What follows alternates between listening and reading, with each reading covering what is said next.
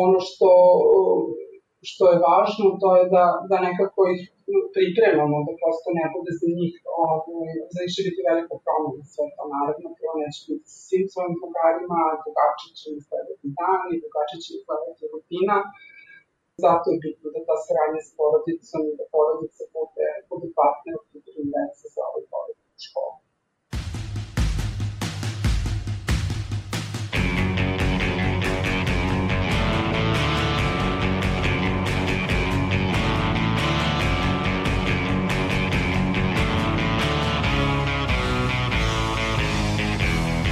Slušate novo izdanje podcasta Reaguj, nezavisnog društva novinara Vojvodine. Podcasta koji vam donosi priče o solidarnosti i životu ljudi u ogledalu društvenih i političkih događaja u Srbiji. Mi smo Aleksandra Bučko, Sanja Đorđević i Iva Gajić. Sa nama su i kolege Irina Čučković i Nemanja Stevanović. U ovoj epizodi podcasta Reaguj bavimo se novom školskom godinom i time koliko smo svi mi pripremljeni za nju. Da li će spremljene patike biti iznošene, a rančevi iskorišćeni i koliko će u ovoj godini biti potrebni računari ili maska još uvek se ne zna. Na papiru je sve logistički isplanirano, a šta će se dešavati u narednom periodu niko sa sigurnošću ne može da tvrdi. Jedno je sigurno, ova školska godina biće sasvim drugačija, a nastavnici, kao i roditelji, moraju da imaju pripremljeni i plan B, možda čak i C. Svaka škola je dobila stručno uputstvo od Ministarstva prosvete, nauke i tehnološkog razvoja, ali im je data i autonomnost u osmišljavanju nastave i logistike boravka u školi. Međutim, iako izgleda da je na papiru sve jasno, niko ne zna kako će izgledati nastava sa maskama u školi, kako će to deca primiti, ali i koliko nastavnici treba da ulože truda i planiranje u samu nastavu, s obzirom na to da će mnogi morati da je rade i online i u školi. Postoje tri modela nastave po kojima može da se realizuje planirani program. Neposrednu nastavu, na daljinu i kombinovanu. Nastava u gimnazijama i srednjim stručnim školama po kombinovanom modelu podrazumeva da učenici od prvog do četvrtog razreda jedne nedelje dolaze u školu na neposrednu nastavu, a sledeće nedelje realizuju časove putem nastave na daljinu. Od prvog do četvrtog razreda je klasična neposredna nastava gde je maksimalni broj učenika 15, a u drugom ciklusu u grupi od petog do osmog razreda je kombinovana nastava, na daljinu i neposredna. Te smene se odvijaju na dnevnom i nedeljnom nivou. Iz UNICEF-a za podcast Reaguj objašnjavaju da je važno to da su svi ovi modeli vrlo fleksibilni i da će se pratiti situacija. A ministar prosvete Mladen Šarčević izjavio je da će se svakih 15 dana praviti presek stanja u svim školama u zemlji, te da će se mere prilagođavati. Početak je septembra i dolazimo do toga da u nekim školama sva deca pohađaju nastavu u školi samo po unapred određenim smenama i grupama koje moraju strogo da se poštuju. U drugim školama online i neposredna nastava smenjuje se na dnevnom ili nedeljnom nivou. To se dešava zbog toga što su škole morale da naprave plan kako će deca dolaziti na nastavu prema kapacitetima osoblja i samog objekta. Ksenija Mučenski, direktorica osnovne škole Bratstvo jedinstvo u Kucuri, objašnjava da je u stručnom uputstvu iz ministarstva tačno objašnjeno šta škole mogu, a šta ne. Autonomiju imaju samo u kreiranju smena. Škola je uradila anketu kojoj su se roditelji izjašnjavali da li će njihova deca dolaziti u školu ili će raditi od kuće, to, je, to jest online. U našoj školi od 355 učenika, 352 učenika se će pohađati nastavu tri učenika koji, ne, koji ne, neće pohađati nastavu, odnosno pohađaće online, su učenici sa hroničnim oboljenjima u pitanju su asme, tako da je njima dozvoljeno da ne pohađaju nastavu. Ministarstvo prosvete, nauke i tehnološkog razvoja školama prosledilo stručno uputstvo prema kojem smo mi bili obavezi da napravimo raspored smena prema našim mogućnostima odeljenja koje e, imaju preko 15 učenika smo podelili u dve približno jednakobrojne grupe. U našoj školi, pored nastave na srpskom jeziku, nastava se izvodi i na rusinskom jeziku. Odeljenja koje slušaju nastavu na rusinskom nastavnom jeziku se ne dele u grupe jer u tim odeljenjima je manji broj učenika od 15. Ta odeljenja pohađaju redovnu nastavu, samo što im časovi traju 30 minuta. Mislim da će funkcionisati, gledali smo sve resurse koje imamo, tako da smo negde priključili i e, prostorije Narodne biblioteke Danilo Kiš, izdvojenog odeljenja u Kucuri i Ruskog doma u slučaju da nam zatreba prostora, ali smo se organizovali da nam ne manjka prostora. Postoji realna sumnja da će mnogi nastavnici u višim razredima i srednjim školama sada imati mnogo više obaveza. Pored nastave i administrativnih poslova, kao i do sada, morat će da obrate pažnju i na online nastavu, te i da tim učenicima daju zadatke. Međutim, direktorica Mučenski objašnjava da se nastavnicima 40 časovna radna nedelja ne menja.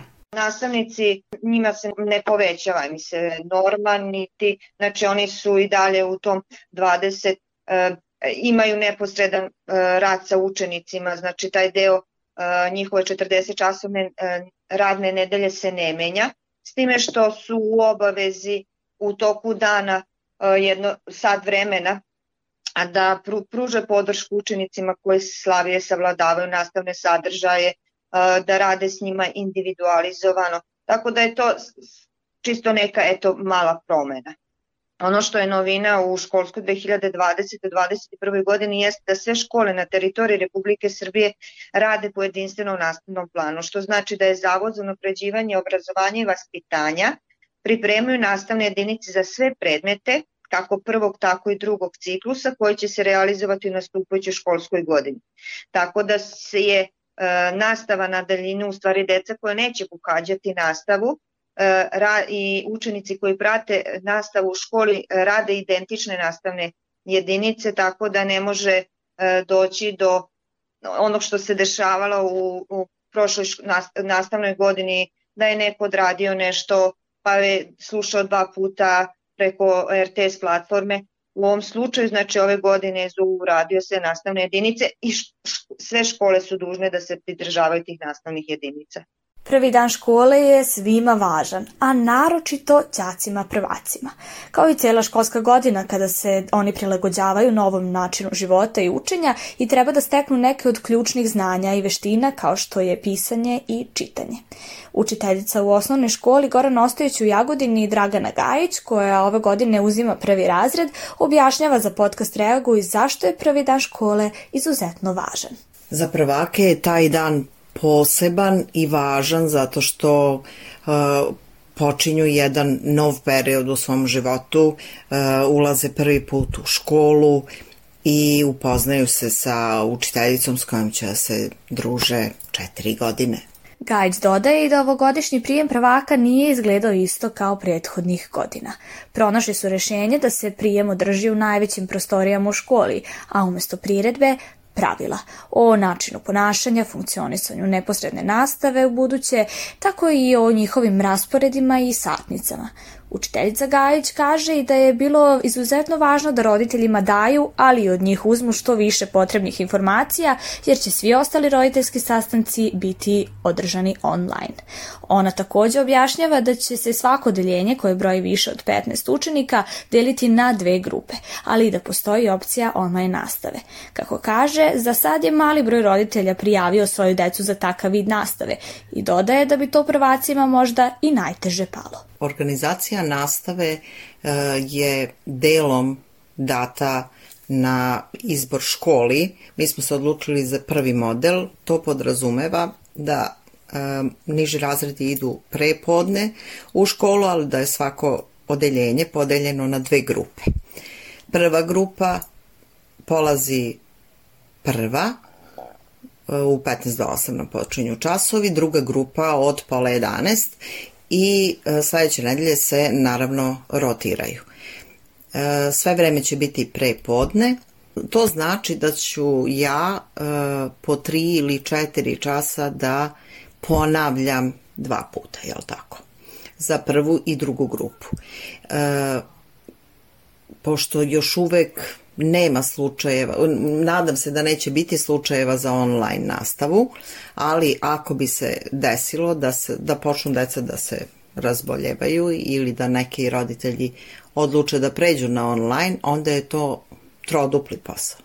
I smatram da ta deca, naročito prvaci, onda će oni sigurno da budu oštećeni s neke strane. Kako su prošlogodišnji prvaci nekoliko meseci pratili online nastavu, ove godine, kaže Gajić, verovatno će imati veći broj časova obnavljanja od uobičajenog.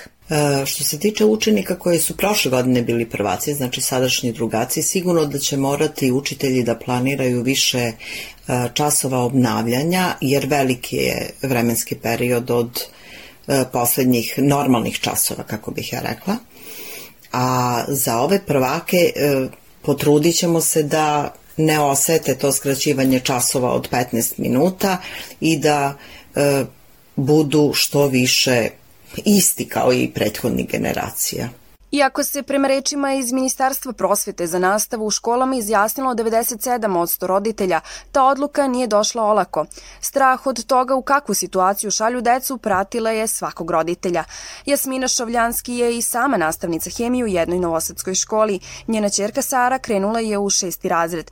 Šovljanski kaže da je zapravo bila neodločna. Cela epidemiološka situacija ju je navela da se pokoleba i razmišlja o zdravlju sebe i svog deteta, ali je na kraju presudila klas klasična nastava jer smatra da je neophodan kontakt između nastavnika i učenika. Pri to kontakta e, deteta sa nastavnikom važna je naravno i socijalizacija. Deca utiču jedna na druge, e, razmenjuju neka mišljenja. Znači, pored toga što se u školi uči, e, tamo se i druži i uloga roditelja ne treba da bude stvari kao uloga nastavnika, on treba da bude saradnik sa svojim detetom. Znači, on e, treba da e, pripomogne, ali ne da uči dete kod kuće, što se recimo dešavalo sada kada je bila ova online nastava, zato što je svima to bilo nešto novo. E, to je bilo dosta e, teško, ali e, neko praćenje je naravno postojalo i roditelj negde mora da, da pomogne detetu u takvom vidu nastave i naravno e, znači dete e, treba da ima mogućnost da ne bude stalno e, u okruženju roditelja i pod njegovom kontrolom, nego jednostavno da se druži i uči sa svojim vršnjacima. Sa druge strane, Olenka Živković, čija čerka pohađa šesti razred, smatra da je online nastava bolje rešenje, jer će ona, kao hroničan bolesnik, biti izložena većem riziku da se zarazi ukoliko njena čerka bude morala fizički da ide u školu. Plašim se, dete je šesti razred, da će odlaskom u školu biti u kontaktu sa većim brojem ljudi e, koji e, su moguće e, zaraženi pošto je poznato da je virus i asimptomatski ne vidi se. Osim toga deca su deca ne znam koliko će funkcionisati taj način na koji je ministar prikazao da će se odvijeti nastava, koliko će se oni pridržavati svih tih preporuka koji su dali za za nastavu. Tako da sve to mi je zapravo na neki način s obzirom da još uvek ima dosta uh, obolelih i novozaraženih u Srbiji uh, predstavlja neku vrstu opasnosti za, i za moje zdravlje. Kao i svakom roditelju, pomešana su joj osjećanja. Iako se više zalaže za online nastavu, svesna je da neposredna nastava u školi pruža više znanja. Što se tiče online nastave, e, na određen način, e, onako kako smo mi navikali, e, smatram da su zapravo bili možda da kažemo oštećeni pošto neke stvari se praktički ne može drugačije, drugačije objasniti sem fizički, posebno kod đaka prvaka iako je moja u starijem uzrastu već, ali na kraju krajeva eh, gledam u Hrvatskoj po ostrvima se eh, nastava odvija online godinama u, u Australiji takođe. Znači, može se izvesti ako se dobro organizuje i ako se plan i program primeni takvom načinu obrazovanja. Bez obzira na epidemiološku situaciju, deci je važan povratak u školu i raduju mu se, a o tome svedoče i dve sestre, Sara i Sonja Nadrljanski. Sara kreće u osmi razred, a Sonja u peti. Idu u različite škole i imaju različite smene. Sara ovu školsku godinu započinje samo online i ne zna kako će je nastaviti. Sonja će nastavu pratiti jedne nedelje online, a druge u školi. Mi za sad ne znamo, ali kao prve dve nedelje ćemo ići online, a onda ćemo dalje videti. Ali ja mislim da nećemo ići u školu, da ćemo sve raditi online. Nas su podelili u A i B grupe i onda će A ići prve nedelje, B druge nedelje. Ja hoću da idem u školu. Prvo nedostaje ni društvo, a drugo, ne znam, tako, dosadilo mi je kući. Međunarodna organizacija Dečiji fond Ujedinjenih nacija, UNICEF, od početka pandemije sarađuje sa svim ministarstvima prosvete i zdravstva širom sveta kako bi se omogućilo bezbedno okruženje za decu i mlade. Tanja Ranković je zadužena za rukovodđenje sektora obrazovanja UNICEF Srbija i navodi da u slučaju pandemije glavna vodilja za sve države treba biti najbolji interes svakog deteta na prvom mestu. Dodaje i da širom sveta nije bilo pitanje da li otvoriti škole, već kako organizovati zdravstveno bezbedne uslove za decu i zaposlene. U principu sve to može da se svede imamo bismo da kažemo da svi imaju neke, neku fleksibilnu organizaciju nastave. Uglavnom je zemljama nastava organizovana ili, ili se planira sa poštovanjem distance i u mnogo manjim grupama, odnosno odeljenjima, što je to bilo ranije onda važno je uh, da neke zemlje škole otvaraju u fazama, na primjer počinju sa mlađim učenicima, pa onda delimično otvaraju škole kombinacijom online i ove tradicionalne neposredne nastave, ove, što nekako omogućava i nastavnicima i roditeljima da steknu i sigurnost i samopouzdanje. I um, onda se u stvari ovaj pristup prilagođava i vrlo fleksibilan u odnosu na to kakva je situacija epidemiološka, ovaj, u zemlji i na kraju krajeva na svaku lokalnu samoupravu.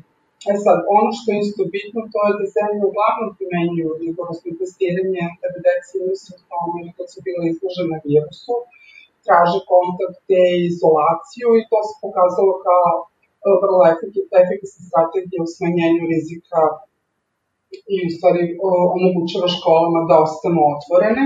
Tokom planiranja nove školske godine odgovorni su se rukovodili izveštajem o praćenju nastave u prethodnom polugođu koji su sproveli UNICEF, Ministarstvo prosvete Institut za psihologiju Filozofskog fakulteta u Beogradu. Tanja Ranković navodi da je na osnovu tog izveštaja online nastava dobro sprovedena, a da je veliki broj učenika pratio ovako nastavu. I u osnovnom i srednjim školama ove oblici učenja su počivali oko 99% učenika, a ovaj broj je bio mnogo mali kod dece iz osetljivih grupa. Mislim, mi znamo koliko je škola jako važna za decu iz osetljivih grupa, tako da je to, da je u stvari ovo otvaranje škola bi trebalo da, da pomogne i da se dodatna podrška njima pruži ovaj, na, na, na pravi način. E, glavni izazovi neki u prethodnom periodu su bili pristup internetu, nedostatak kompjuterske opreme i kompetencije nastavnika, ali i učenika pa i roditelja, što je, posle, što je bilo bitno kad su mlađe deca u pa što su roditelji mnogo pomagali oko, oko nastave. U tom smislu mi se čini da ono što je bitno da se naglasi je da nekako moraju da se mobilišu svi raspoloživi resursi da se ove prepreke ove, koje su bile, uh, koje su bile izložene deca za osetljivih grupa, da se one uklone i ovaj, da se pruži podrška deci za osetljivih grupa da oni ne bi imali jaz u, u, u ishodima učenja i u obrazovanju. Ranković pominje i da je UNICEF učestvovao u istraživanju, odnosno praćenju nastave i njenog sprovođenja od marta do kraja školske godine. Istraživanje se vršilo unutar samih porodica i njihovih stavova i među đacima kroz U-Report platformu. Pokazalo se da su se škole jako dobro snašle. Kako kaže, kada je u pitanju nastava na daljinu, iz istraživanja se vidi da su se nastavnici u srednjim školama bolje snašli, ali da su nastavnici u tom početnom periodu bili pod velikim stresom. Glavni problemi su bili uh, ili pristup internetu ili nedostatak uh, kompjuterske opreme, ali i digitalne kompetencije nastavnika, digitalne kompetencije učenika, naravno i roditelji, znači za ovu mlađu decu da su roditelji puno skakali i pomagali. E sad, za digitalne kompetencije nastavnika, Tačno se videlo da su srednje škole se malo bolje snašle kada su ove online platforme u pitanju, što nije bilo iznenađenje jer su i nastavnici u srednjim školama imali mnogo više obuka i sad taj neki prethodni period u kome se puno polagalo na digitalne kompetencije nastavnika se isplatio. Od uh, osnovne škola nije, uh, ima tu mnogo naravno još prostora za dalji rad, ali vidi se da je bilo tu nekih pomaka. Ima jedno zanimljivo istraživanje koje radio Zavod za unapređivanje obrazovanja i vaspitanja koji je pokazao u stvari da je stres kod nastavnika kad su digitalne alati u pitanju, da je stres veliki, što je isto razumljivo jer oni su učili nove alate, praktično jedan nov posao, kao što smo mi svi učili da se snalazimo na Zoomu, da pravimo conference call tako je to sve bilo novo i za njih i razumljivo je da je stres bio veliki u početku. I da se tu dosta situacija promenila kako je vreme odlicalo, ja definitivno mislim da su škole mnogo spremnije sada i mnogo spremnije da čekaju školsku godinu, pokušalo se nekako da se i taj nedostatak um, u nekim situacijama u, u gradovima imate nedostatak prostora, pa se teško, teško organizovati nastavu u manjim grupama i tu su se škole puno ovaj, potrudile. Nedostatak kadra, imam informaciju da će puno volontera sa pedagoških fakulteta, tako da vidjet ćemo kako će ići te prvi meseci, ja verujem da će ministarstvo to da prati potrebno i da će da priskače i da, ovaj, da revidira pristup ukoliko bude bilo Što se tiče same zdravstvene bezbednosti u školama, najavljeno je da će sve osim maski i dezinfikacijonih sredstava za ruke biti obezbeđeno za škole. Međutim, upravo deca iz ugroženih socijalnih grupa imaće problem sa opremom, kako onom za zaštitu od korone, tako i tehničkom. Što se tiče same dece iz socijalnih grupa, kao i u bilo kojoj redovno organizovane nastavi u drugoj nekoj regularnoj situaciji. I u ovakvim okolnostima nastava treba da bude orijentisana ka deci uz prepoznavanje i uvažavanje individualnih karakteristika i okolnosti svakog deteta. Ono što je možda važnije u ovoj situaciji nego inače, to je da se individualne razlike među decom u punoj meri uvažavaju i da se koriste različite metode i tehnike, da svako dete bude uključeno u nastavu na najbolji mogući, na najoptimalniji način, da bude motivisano uh, i, da, i da mu bude, potrebno, i da mu bude pružena podrška i osnaživanje. I sad bitno da u tome škole ne ostanu same, jer je ovo veliki pritisak na njih i važno je da se na vreme uspostavi saradnja i sa okolnim uh, sa opštinama, znači, ali i sa drugim servisima podrške mislim je socijalnu zaštitu i najništa da bi, ovaj, da ne bi imali isključeno učenike. Ovaj, tako da se nadam da će to biti da će to biti u redu i za učenike sa sedmih grupa i početak školske godine i vraćanje grupe um, bi trebalo da. Kako naša sagovornica navodi, postoji mogućnost da u okviru škole đaci iz ugroženih socijalnih grupa pozajme uređaje za praćenje online nastave i time ne izostanu i iz tog dela nastave. Što se tiče zaštite od virusa, ona kaže da je ministarstvo obezbedilo neku količinu zaštitnih maski koje su namenjene i za ove učenike. A kako ističe Tanja Ranković, UNICEF je zajedno i sa Ministarstvom prosvete radio na organizaciji nastave za ovu školsku godinu u novoj realnosti ono što bi ovaj, naš savjet bio to je da se ova situacija uh, jako ove okolnosti nisu srećne, da se nekako iskoristi za, za, za podučavanje i, za podršku deci da razviju dobre higijenske navike i praksu.